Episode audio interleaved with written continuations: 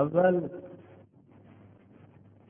inson o'zining zaifligini va dushmanlardan qo'rqib yurgan vaqtlarini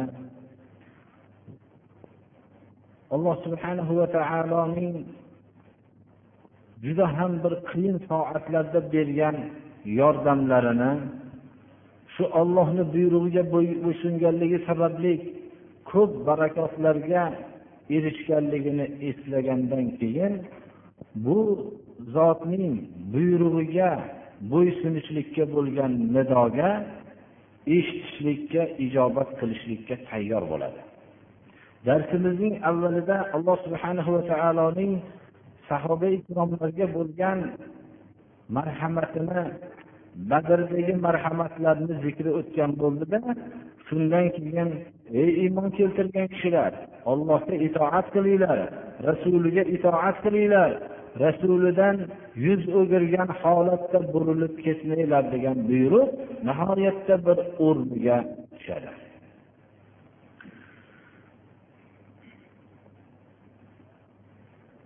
ولا تكونوا كالذين قالوا سمعنا وهم لا يسمعون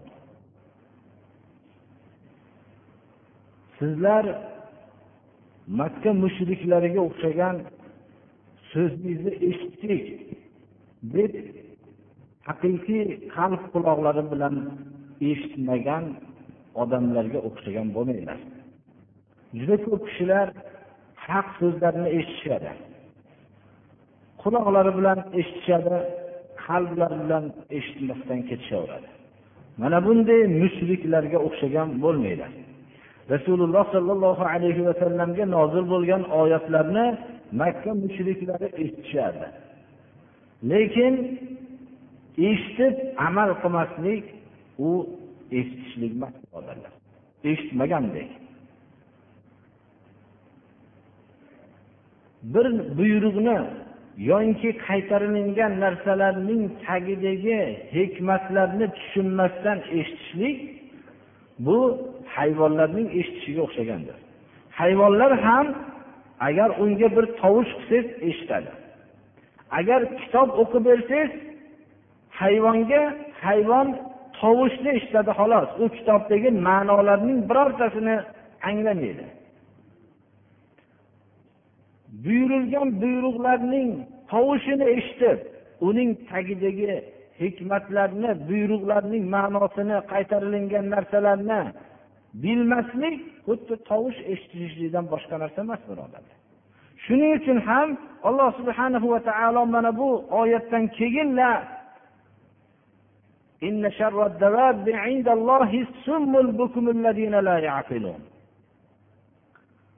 dobba deb yerda sudralib yuruvchi narsalarni aytamiz. Inson ham yerda yuruvchi narsa. Boshqa hayvonlar ham yuruvchi narsa. Lekin odatda arab tilida dobba deb hayvonga iste'mol qilinadi. Insonlar huzurida hayvonlar kimlar deganligini insonlar yaxshi bilishadi. Hayvonlar ot mol qo'y echki tuya va hokazo narsalarni. Lekin ollohni huzurida ham hayvonlar bor. Ollohni huzuridagi hayvonlarning eng yomoni eshitmaydigan va so'zlarni anglamaydigan ya'ni aqllarini ishlatmaydigan gung karlar eng yomon hayvonlardir bir maxluqlar borki ollohni huzuridagi bu maxluqlar hayvonlar ichidagi eng yomonidir. Bularning sifatlari eshitmaydigan kar va anglamaydigan gungdir. Haqiqatda ham inson agar eshitmasa buyurilgan buyruqlarni bularga quloq solmasa hayvonlarning eng yomoniga aylanadi. Chunki hayvon u majbur u tovushdan boshqa narsani eshitmaydi. Unga siz shovqin qilgan bir tovush hushtagingiz bilan unga o'qib berilingan kitobning farqi yo'q unga. U tovushni eshitadi u majbur bundan boshqa unda qobiliyat yo'q. Lekin anglashlikka qobiliyati bo'lib turib uni anglamagan faqat hayvon eshitgancha tovushni eshitgan maxluqlar bular hayvonlarning eng yomoni desa haqiqatda shundaydir. Undan tashqari agar ollohni hukmiga bo'ysunmagan ollohni shariatiga bo'ysunmagan insonlar hayvon bo'lganda ancha yaxshi bo'lardi. Ular ham tuproqqa aylanib ketib hisob kitob bermagan bo'lardi. Hozirgi kunda biror bir shariat hukmiga bo'ysunmagan ollohni buyruqlarini qilmagan odamga hayvon deb xitob siz bilan nima bo'lsa bo'lib jang qiladi. Ammo yaqin kunda deydi.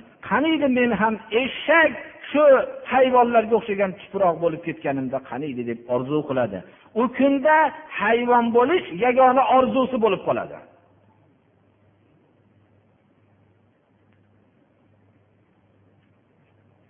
Inson qalbida hidoyatga rag'bat bo'lmas ekan alloh subhana va taolo o'zining oyatlarini rasulining hidoyat hadislarini eshittirmaydi. Hidoyat olloh tarafidan yalinib insonga beriladigan narsa emas. Hidoyat qiymatbaho narsa. Banda tarafidan rag'bat bo'lishligi bilan olloh tarafidan hidoyat keladi. Agar alloh subhanahu va taolo bu ollohni buyruqlariga quloq solmayotgan mushriklarga mushriklarda yaxshilik borligini bilganda yaxshilik bo'lganda olloh eshittirgan bo'lardi hidoyat oyatlarini. Ularning qalbida yaxshilik ya'ni hidoyatga bo'lgan rag'bat bo'lganda olloh eshittirgan bo'lardi.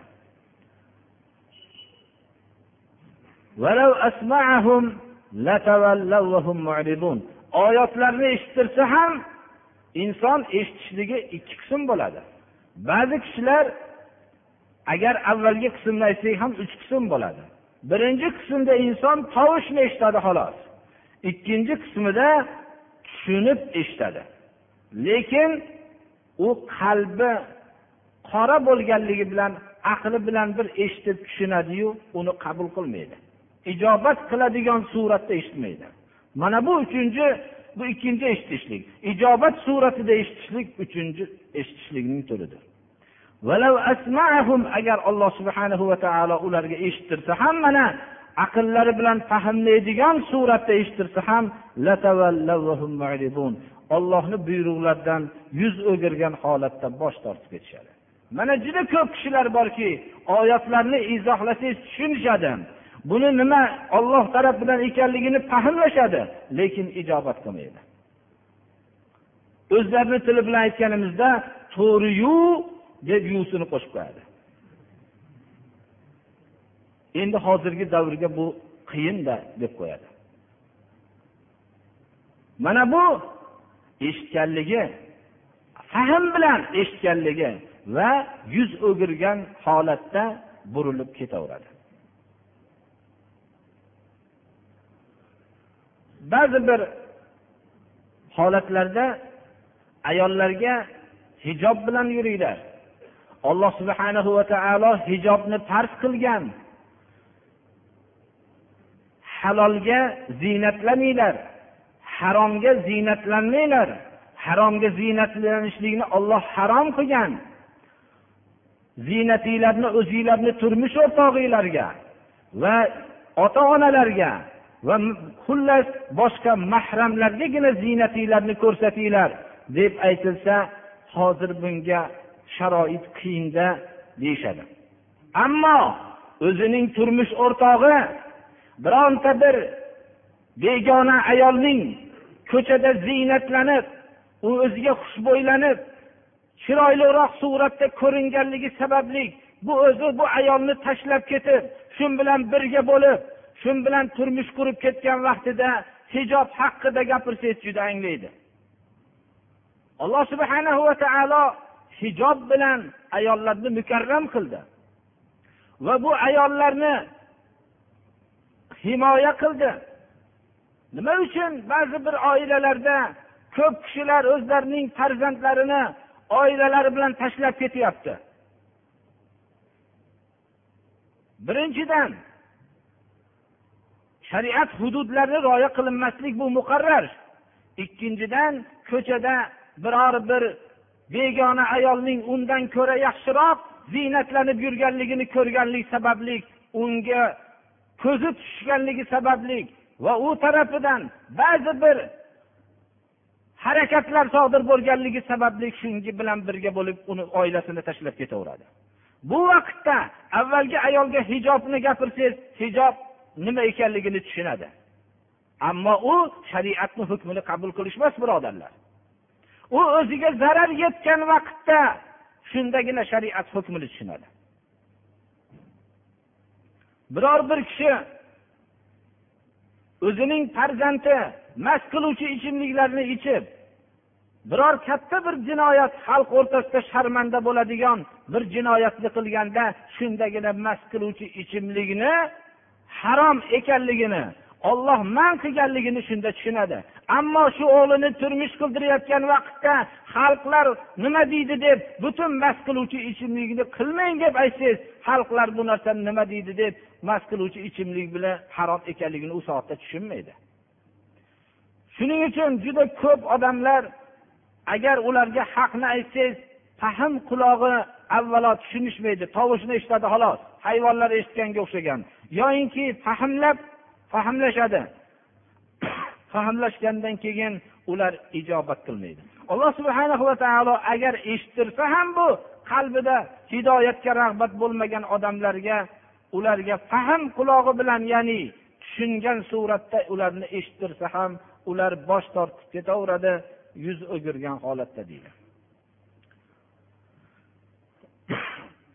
يا أيها الذين آمنوا استجيبوا لله وللرسول إذا دعاكم لما يحييكم واعلموا أن الله يحول بين المرء وقلبه وأنه إليه تحشرون iymon keltirgan kishilar ollohu rasuliga ijobat qilinglar ollohu rasuli chaqirayotgan narsa alloh subhanahu va taologa foydasi yo'q yo rasuli davlatmand bo'lmoqchi emas bu chaqirayotgan narsasi bilan bu chaqir ollohu rasuli chaqirayotgan narsa sizlarga hayot bag'ishlaydigan narsadir. Haqiqiy hayot deb ataladigan sizlarni ya'ni siz insonlarni insoncha yashatadigan hayot baxsh bo'lgan yo'lga chaqiryapti. Inson nima bilan farq qiladi? Hayvonlardan farq qiladigan narsa yemoq ichmoq jinsiy aloqa bu narsalar bilan farq qilmaydi. Bu narsalarda hayvonlar ham mushtarak. Hayvonlar bilan mushtarakdir.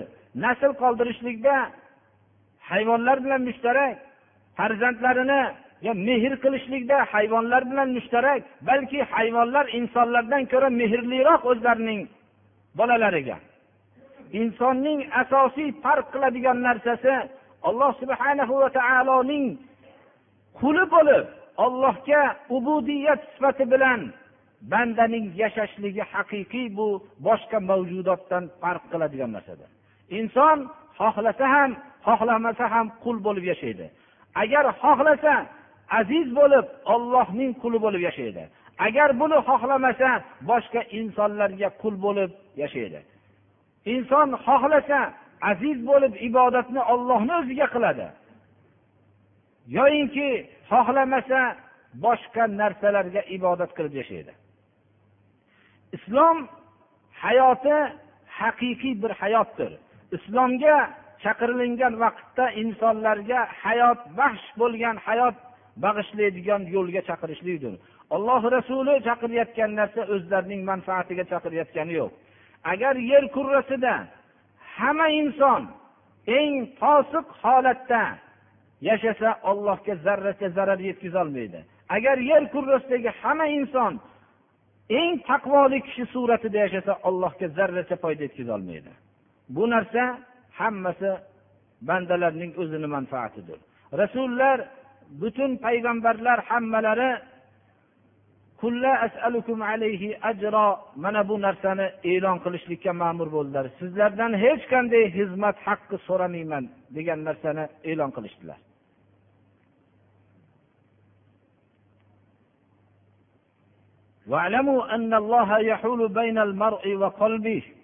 Bilinglarki olloh kishi bilan qalbi o'rtasida hoil bo'lib turadi. Alloh subhanahu va taolo shunday bandaga yaqinki uning qalbi bilan o'zini o'rtasida hoil bo'lib turadi. Agar xohlasa qalbini o'zgartirib qo'yadi. Alloh subhanahu va taoloning inson bilan qalbi o'rtasida hoil bo'lib to'siq bo'lib turgan holati inson har bir harakatida ollohni muroqaba qilib ish qilishligiga da'vat qiladi. Doim o'yg'oq bo'lishligiga hayotining hammasini olloh buyurgandek o'tkazishlikka targ'ib qiladi bu oyat. Rasululloh sollallohu alayhi vasallamdek ma'sum bo'lgan xatolardan pok bo'lgan zot duolarida allohumma ya muqallibal qulub sabbit qalbi ala dinik deb duo qiladilar. Ey qalblarni o'zgartiruvchi zot qalbimni dining ustida barqaror qilgin dedilar. Insonning qalbi alloh subhanahu va taoloning qo'lida xohlagandek o'zgartirib qo'yadi. Ba'zi vaqtda inson bir kishini shunday yomon ko'radiki buni qaytib bu bilan munosabatimni bog'lamayman deb shunchalik qasamyod qilsa ham alloh subhana va taolo qalbini o'zgartirib qo'yadida u bilan ittifoq qilib qo'yadi. Ba'zi bir ittifoq bo'lgan odamlarni o'rtasini buzib qo'yadi. Agar o'zida islomga muvofiq harakat bo'lmasligi natijasida o'zining xatolari bilan qalbini o'zgartirib qo'yadi. Olloh insonning qalbini xohlagandek o'zgartiradi. Ba'zi vaqtda inson qalbini bir narsalarga majbur qiladi lekin o'zi ham buni xatoligini biladi. Shu narsani qilay deydi unga o'zini kuchi yetmaydi. Shuning uchun mo'min kishi rasululloh sollallohu alayhi vasallamning mana bu duolaridan ibrat olishligi kerakki shunday xatolardan ma'sum bo'lgan zot xudoyo qalbimni diningda barqaror qilgin deb duo qilgan bo'lsalar boshqalar albatta bunga muhtojdir.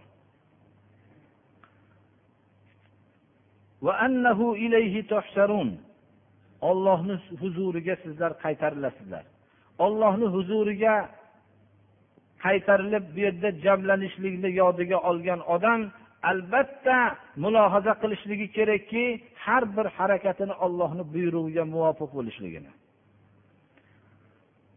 واذكروا إذ أنتم قليل مستضعفون في الأرض تخافون أن يتخطفكم الناس فآواكم وأيدكم بنصره ورزقكم من الطيبات لعلكم تشكرون yodinglarga olinglarki yerda zaif sanalingan ozchilik bo'lgan soatinglarni yodinglarga olinglar sahobalar nihoyatda ozchilik edi ular yerda zaif sanalgan edi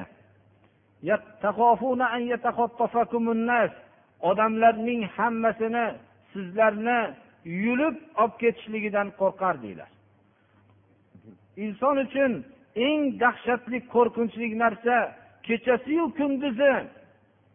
Uni qaysi soatda dushmani ushlab chiqib ketishligini kutib yashashlikdan ko'ra qo'rqinchli holat yo'q.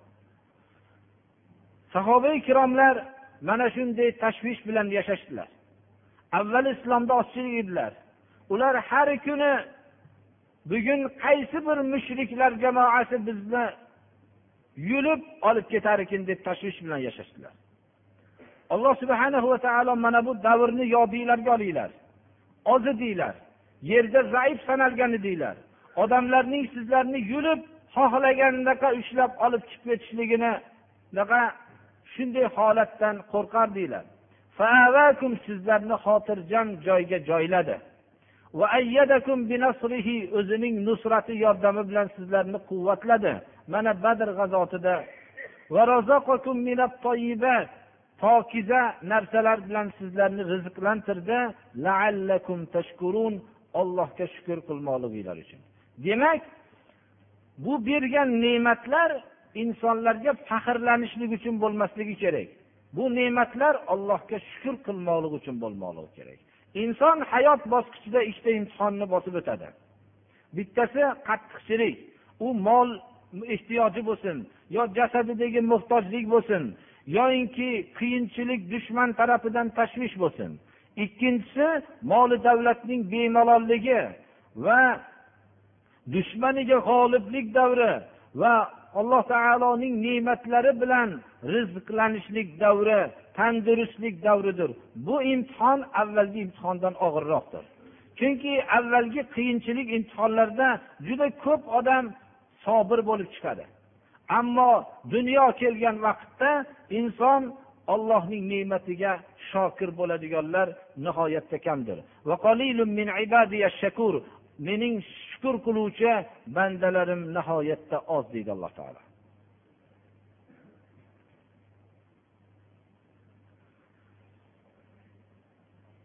Inson kambag'alligida kam odam xiyonat qiladi. Kasalligida kam odam xiyonat qiladi. Ammo dunyolar kelgan vaqtda unga hamma narsa yetarli bo'lgan vaqtda undan xiyonat ko'p sodir bo'ladi. bu xiyonatlarning birinchisi ollohga xiyonat qilish ikkinchisi rasululloh sollallohu alayhi vasallamga xiyonat qilish uchinchi inson o'zidagi ko'p omonatlarga xiyonat qilishlikdir يا أيها الذين آمنوا لا تخونوا الله والرسول وتخونوا أماناتكم وأنتم تعلمون ey iymon keltirgan kishilar ollohga xiyonat qilmanglar Bunday rizq bergan ollohga bunday nusratlar bergan ollohga xiyonat qilmanglar. Sizlarni tashvishdan keyin xotirjamlik bergan ollohga xiyonat qilmanglar. Alloh subhanahu va taologa xiyonat nima? Birinchi xiyonat shuki la ilaha illalloh kalimasiga xiyonat qilishlikdir. La ilaha illalloh ollohdan boshqa ma'bud yo'q deb tan olingandan keyin boshqa narsalarga ibodat qilishlik bu allohga bo'lgan xiyonatdir. Rasululloh sollallohu alayhi vasallamga xiyonat u kishi olloh tarafidan yetkazgan yo'llarni ushlamasdan boshqalarning yo'llarini ushlashlik bu rasululloh sollallohu alayhi vasallamga xiyonatdir. Biz rasululloh deb tan olganimizdan keyin ollohning elchisi bu kishi bu kishi havodan gapirmaydilar. Olloh tarafidan bo'lgan vahiyni olib kelganlar degandan keyin bu kishining buyruqlarini qabul qilmoqligimiz kerak. Bu kishini buyruqlarini qabul qilmaslik rasululloh sollallohu alayhi vasallamga xiyonatdir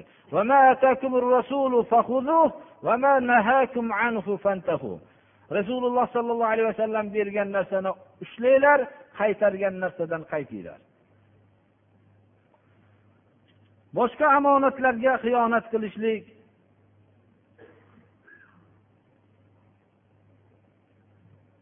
inson bir kishiga biror bir molni omonat qo'ygan bo'lsa bunga xiyonat qilish deb ko'proq biz maqsadimiz mol bo'lganligi uchun shuni tushunamiz. Ammo bizdagi o'zimizning jasad omonatimiz. Jasadni alloh subhana va taolo bizga omonat qo'ydi. Buni kashandalik mast qiluvchi ichimliklar bilan vayron qilish jasad omonatiga xiyonatdir. Alloh subhana va taolo ulamolarga shariat ilmini berdi. Bu shariat ilmi omonatdir bu narsani haqni e'lon qilmaslik haqni boshqalarga bildirmaslik bu omonatga xiyonatdir. Kasb egalari bu kasb omonatdir ularga. Bu kasbni birovga baxillik qilib o'rgatmaslik bu kasb omonatiga xiyonatdir. Mana bunday xoin odamlarning vujudga kelishligi bilan shu millatda qoloqlik vujudga kelib boraveradi.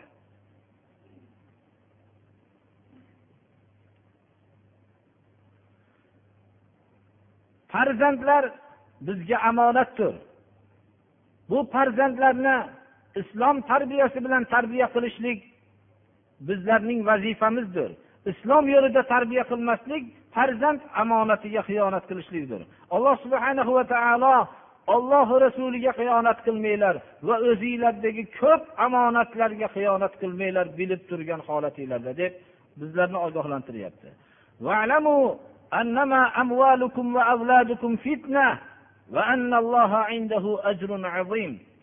Agar bir kishiga siz aytsangizki u kishi sizni o'ziga do'st deb bilsa shu tarafga ketayotgan vaqtingda yo'lda bir yarim yo'lga borganingdan keyin ehtiyot bo'lasan har xil bir holatlar senga duchor bo'lishligi mumkin desa shu kundan boshlab yo'lni yarmiga bormasdan turib o'zi ehtiyot chorasini ko'ra boshlaydi.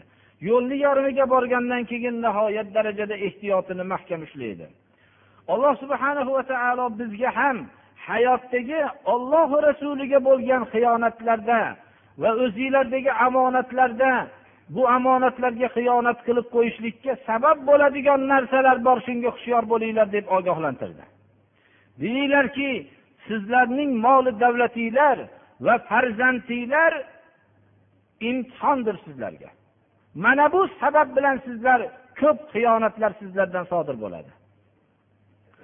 Ayting hozirgi vaqtda tekshirib ko'ring bir nazar tashlang odamlarning hammalarini olloh saqlaganlar mustasno adashib ketayotganliklarining sirlari moli davlat sababli adashyaptilar. Shu moli davlat sababli kazzob bo'lishyapti. Shu moli davlat sababli butun janjallar vujudga kelyapti husumatlar. Shu moli davlat sababli hamma yaqinlar ajrashib ketyapti. Ota farzandlarning o'rtasi buzilib ketyapti. Lekin bu ota bechora shu yoshligida farzandim deb turib nihoyatda ko'p zalolat yo'liga kirib qolgan edi. Shu farzand imtihonidan o'tolmagan edi. Shu farzand uchun juda ko'p harom yo'llarga kirishlikka majbur bo'lgan edi. Insonning eng og'ir imtihoni moli davlatiyu farzandlaridir.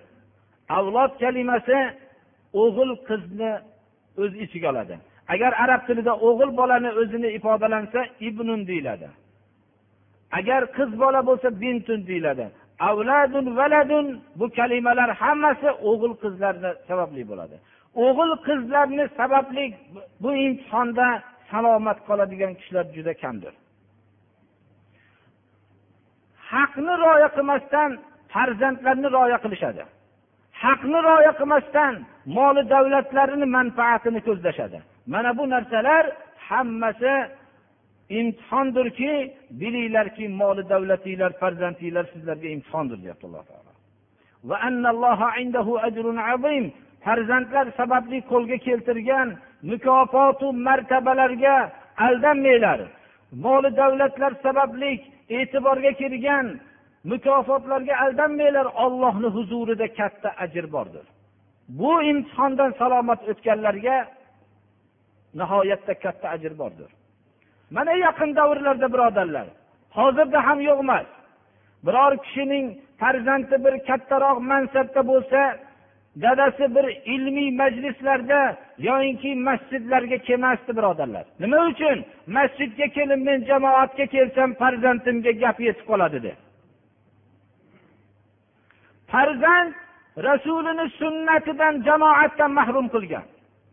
Balki oshkor ba'zi vaqtlarda farzandlar tarafidan ham agar jamoatda siz bo'laversangiz meni mansabimga putur yetadi deydigan so'zlar aytilgan. Qur'oni karimda surai kafda muso alayhissalom bilan hizr alayhissalomning o'rtalaridagi bo'lgan voqeani alloh subhanahu va taolo bizlarga hikoya qilib beradi.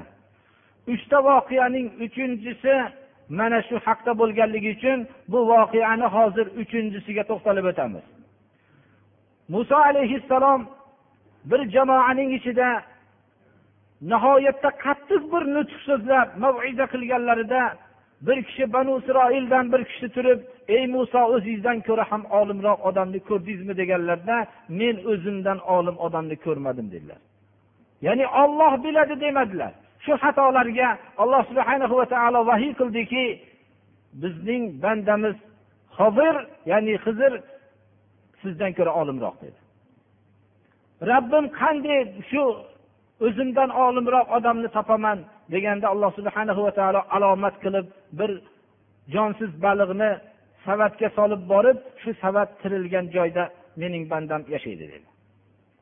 U kishi istab ketdilar yo'lda xullas ko'p mashaqqatlarni kechirganlaridan keyin salom berdilar hizr alayhissalomni ko'rganlarida. Hizr alayhissalom bu qayerdan bu salom qayerdan keldi dedilar. Bu yerda mushriklarda bu salom yo'q edi dedilar.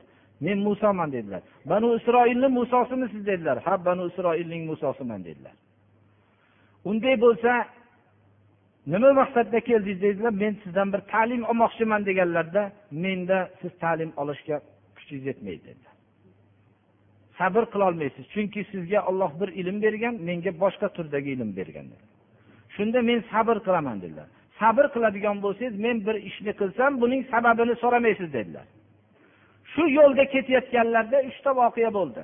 Birinchisi kemaga daryo ro'baru bo'lganligi uchun bir kema shu kema bilan daryoning u betiga olib qo'yishlikni bizda pulimiz yo'q olib o'tib qo'ysanglar deb talab qilganda biz pulga o'tkazamiz deyishib unashmadi. Ollohning ulug' payg'ambarlarini tanimadi u odamlar. Bilmadi kimligini. Shunda bittalari men bepul olib o'tib qo'yaman dedilar.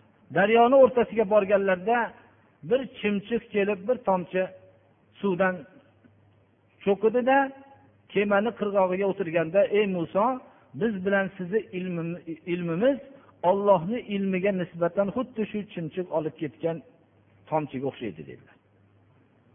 Va daryoning o'rtasiga borganlarida kemani yonlaridan asboblarni olib kemani tesha boshlab taxtani bitta taxtani chiqarib yubordilar shunda ey muso alayhissalom aytdilarki bepul bizni olib o'tib qo'yayotgan bo'lsa shu kemani shunday qilasizmi deganlarida men sizga aytdimki bir ish qilsam meni ishimga aralashmang dedi. Xullas shoshilish bilan kemani yamab qo'yishdi. Ikkinchi marta ketganlarida ikkinchi voqea bir o'ynayotgan bolani mahkam ushladilarda shuni o'ldirib qo'ydilar. Bu kishi hayron bo'ldilar chidolmadilar bunga. Yana savol qiluvdilar men sababini so'ramang dedilar. Uchinchisi bir yiqilib ketay degan bir shahardagi bir devorni o'rtadagi hech bir aloqasi yo'q bo'lgan devorni shuni tiklab qo'ydilar. Aytdilarki bunga bir juda qornimiz ochdi. Biz ovqat so'rasak ovqatlantirmadi bu shahardagilar shunga bir xizmat haqqi olsangiz bir ovqatlanib olardik dedilar. Aytdilarki mana bu safar biz uchinchi marta menga e'tiroz bildirdingiz. Siz bilan meni xayrlashadigan soatim. Endi yuqoridagilarni sababi shu ediki birinchi kemani shu vaqtni podshosi zolim edi hamma yamog'i tushmagan kemalarni olishga buyruq bo'ldi. Shunda bu kema yetimlarniki edi shu yetimlar shunday kiro bilan bunday foydalanishib turgan edi. Olloh buyurdida meni bu kemani tezda yamoq tushadigan qilib qo'ying dedi. Men shuning uchun buni yamoq qilib qo'ydim. Ollohni buyrug'i bilan qildim. Endi bu kema yana yetimlarga xizmat qilaveradi. Hamma durust kemalar olinadi dedilar. Ikkinchi bolani o'ldirishligimni sababi olloh buyurdi men o'ldirdim dedilar. Bu bolani ota onasi solih kishilar edi. Solih kishilar edi nihoyatda allohga ibodatli kishilar edi. Shu farzandlari voyaga yetib qolib yanda mushrik bo'lib ketib qolganda shu bolani ko'yiga kirib dindan chiqib ketib qolishliklaridan tashvish bo'lib olloh buyurdiki bu bolani o'ldiring dedi. Bular sabr qilishlar olloh tarafidan ko'p ajri azim berdi va ba'zi bir rivoyatlar keladiki u sahihmi sahih emasmi bilmaymiz. Uni o'rniga bir farzand berdiki qiz bu farzanddan payg'ambarlar tug'ildi degan va'dalarni ham zikr qilinadi. Xullas mana bu oyat hammamiz voqega bir nazar tashlaylik juda ko'p odamlar farzandi sababli haqiqat yo'lidan voz kechgan. Agar farzandi go'dayligida o'lib ketgan vaqtida ular solih insonlar bo'lib yashardi. Ba'zi bir olimlar borki olloh saqlasin zurriyotimizni shunday bo'lib qolishligidan. Farzandlari baland mansabda bo'lganligi sababli ular namozlarini ham biror bir joyga borib qolishsalar ehtiyot qilib namoz ham o'qishmay qo'ygan. Chunki gap tegib qoladi deb. Agar ular farzandlari yoshligida o'lib ketgan bo'lsa ularning sabr qilib olloh tarafidan katta bir ajrlarga sazovor bo'lardi. Inson shu vaqtlarda o'zining ba'zi bir dinga qarshi bo'lgan holatlarida aytsinki dinni buyrug'ini qilaman ollohni huzurida katta ajr bor menga deb o'ziga yaqin hosil qilmoqligi kerak.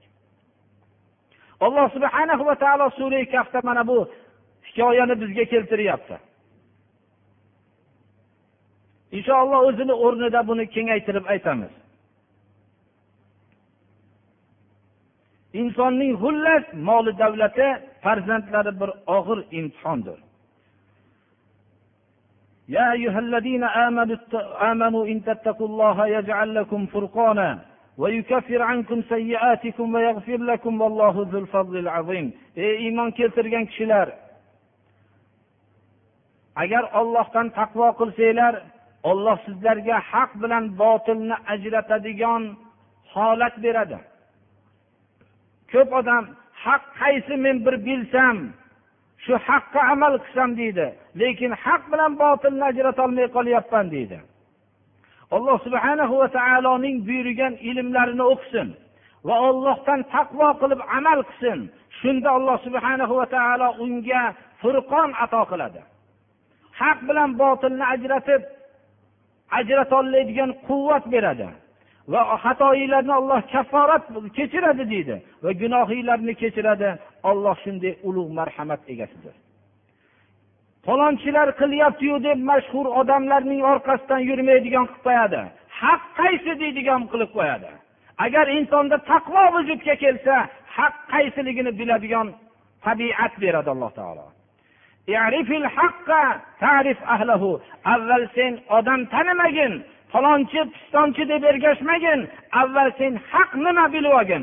Shunda haq haq odamlar kimligini keyin ajratasan deydi. Sen yoningda oyog'ing bilan ishora qilib yurgan odamlar haqdami yoyinki odamlar qo'li bilan ishora qilib yurgan odam haqdami ajratib olasan deydi. Biz birodarlar haqni bilmoqchi bo'lsak avval haqni o'rganaylik qo'ying falonchi pistonchini hammani yig'ishtirib qo'yib haq nima olloh rasuli nima buyuriydi bu narsada deb bilaylik. Haqni bilgandan keyin haq ahllari kim ekanligini bilib olasiz. Haqiqatda yurgan odamlar kim ekanligini keyin taning haqdan keyin taning. Avval siz odamlar o'rtasida shuhratli insonlarni bilib olsangiz unda sizga alloh taolo haqni bilishlikni nasib qilmaydi. Taqvo emas taqvo. Har bir ishda ollohi rasuli nima degan degan buyruqni bir tekshirib ko'rishlikdir. Ana unda haqni ajratasizda haqqa amal qilgan odamlar yoningizda oddiy kimsalar bo'lib qolishligi ham mumkin mana. Oldin falonchi kishilarni tanib olganingizdan keyin shu kishilarning so'zi to'g'rimi noto'g'rimi qabul qilaverganingizdan keyin bu sizga alloh taolo haqni bilishlikni nasib qilmaydi. Bu deganimiz hamma mashhur odamlarga biz tanqid qilmoqchi emasmiz. Lekin biz haqni avval bilmoqligimiz kerak birodarlar. Haq nima? Olloh nima degan? Rasuli nima degan? Mana buni ajratib olganimizdan keyin bu haqqa amal qilgan odam o'zimizni yonimizdan chiqib qoladi. Mana bu odam haqiqatdagi odam deb bilmoqligimiz kerak. Mana bu odamni himoya qilmoqligimiz kerak. Shundagina biz haqni alloh subhana va taolo ajratadigan qobiliyat bizga beradi. Ey iymon keltirgan kishilar ollohdan taqvo qilinglar. Shunda sizlarga alloh taolo furqon haq bilan botilni ajratadigan qobiliyat sizlarga beradi. Va xatoinglarni o'tgan davrdagi xatoinglarni kechiradi gunohinglarni mag'firat qiladi. Olloh shunday katta marhamat egasidir. Inson qalbida taqvo bo'lsa u bir narsa bilan qiynaladi. Qaysi bir narsa haq ekan shuni bilsam deb orzu qiladi. Mana bu katta alloh subhanahu va taoloning marhamatidir. Oftobni nuri tushib qolgan suvda tahorat qilishlik yuvinishlik ko'proq badanning oq bo'lib qolishligiga sabab bo'ladi deb shu payg'ambarimiz sollallohu alayhi vasallam oftobni yorug'ligi tushib qolgan suvda yuvinmanglar tahorat qilmanglar degan hadis mishkotda bor. Lekin shuning hoshiyasida sababini ba'zilar badanga oq tushib qolishlik vujudga kelib qolishligi mumkin deyishganlar. Lekin shu usti ochiq bo'lgan suratda.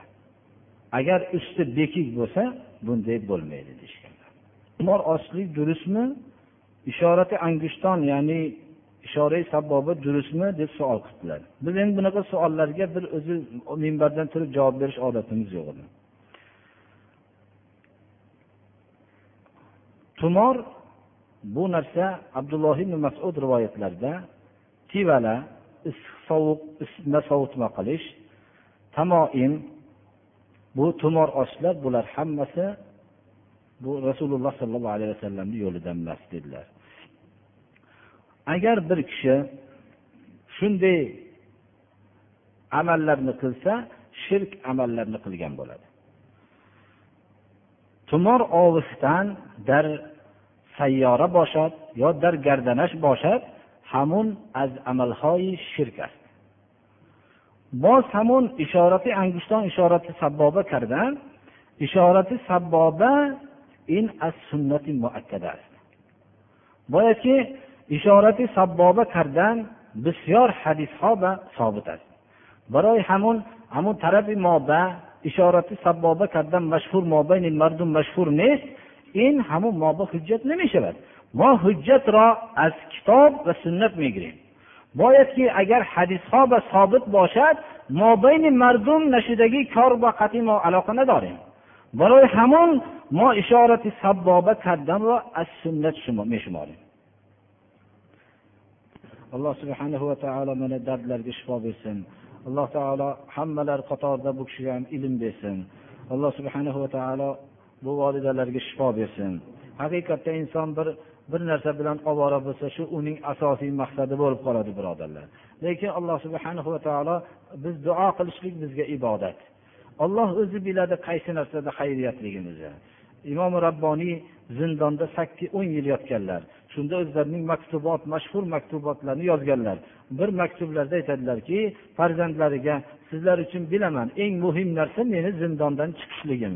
Shuni duo qilib o'tiribsizlar. Lekin sizlar va bizlar uchun eng yaxshi bo'lgan narsa qaysi bo'lsa zindondan chiqish manfaatli bo'lsa alloh taolo shu ishni bizga bersin.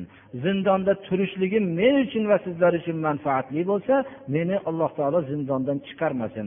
Xayriyat qaysi narsada bo'lsa shuni ollohdan so'ranglar. Bir narsani tayin qilib so'ramanglarki bu ollohning ulug'iyat ishiga aralashish bo'lib qoladi degan ekanlar. Allohga qalblari yetishgan kishilar mana bunday so'rashadilar. Alloh subhana va taolo xayriyatli narsani bersin. To'g'ri ilmni ollohdan talab qilishlik nihoyatda yaxshi lekin amal bo'lmasa bu ilm bizga jannatga yaqinlashtirmaydigan narsa bo'ladi birodarlar. shuning uchun ham agar ba'zi bir kasallardan shifolanib qolib ma'siyat yo'liga kirib ketib qolish ham mumkin bunda alloh subhana va taolo tarafidan bergan tandurustlik unga zarar bo'lib qolishi mumkin alloh taolo hammalariga ham xayriyatlik qaysi narsa bo'lsa shu xayriyatlikni bersin أيها الذين آمنوا إن تتقوا الله يجعل لكم فرقانا ويكفر عنكم سيئاتكم inson har bir sohada furqon egasi bo'lishligi haq bilan botilni o'rtasini ajratolmaydigan bo'lishligi ollohning juda katta bir fazlidir. Umrining zoyi bo'lmasligidir. O'tgan vaqtlardagi gunohlariga kafforat bo'lishligiga sababdir. Chunki birinchi inson yoshlik vaqtida haq bilan botilni ajratishligi va o'zining ilm o'rganayotganda qaysi ilm haq qaysi ilm botil buni ajratollashligi, qaysi amal o'zining oilasiga nisbatan haq va botil ekanligini bilishligi farzandlarning tarbiya qilishlikda qaysi amal haq qaysi amal botil ekanligini bilishligi o'zining qilayotgan savdo kasb ishlarida qaysi narsa haq qaysi narsa botil ekanligini bilishligi hammasidan ham zarurroq bo'lgan. O'zining yo'lini tanlashlikda e'tiqodotlarni rostlashlikda qaysi haq aqida qaysi nohaq qaysi tavhid qaysi shirk ekanligini bilishlik bu ollohning katta fazlidir. Chunki bu furqon insonning haq bilan botilni ajratishlik hayotining hamma qismi haq yo botil bo'ladi? Boshqa narsa bo'lmaydi. O'rtacha haq bo'lmaydi o'rtacha botil bo'lmaydi. Yo haq yo botil yo jannat yo jahannam. Bu yerda o'rtacha jannat yoyinki yarimtaki jahannam degan gap bo'lmaydi. Yo haq yo zalolat. Bundan boshqa narsa bo'lmaydi birodarlar. Shuning uchun alloh subhanahu va taolodan taqvo qilaylik. Taqvo har bir amalimizda ollohni ko'rib turgandek olloh bizni ko'rib turibdi degan e'tiqod bilan yashashlik bu taqvodir. Shu o'yg'oq holat bilan yashashlik bir amalni qilishlikdan ilgari odamlar nima der ekan deb emas mahalla nima der ekan deb emas boshqalar nima der ekan deb emas balki olloh nima der ekan bu ishni qilsam degan narsa mulohaza bilan yashash bu taqvodir.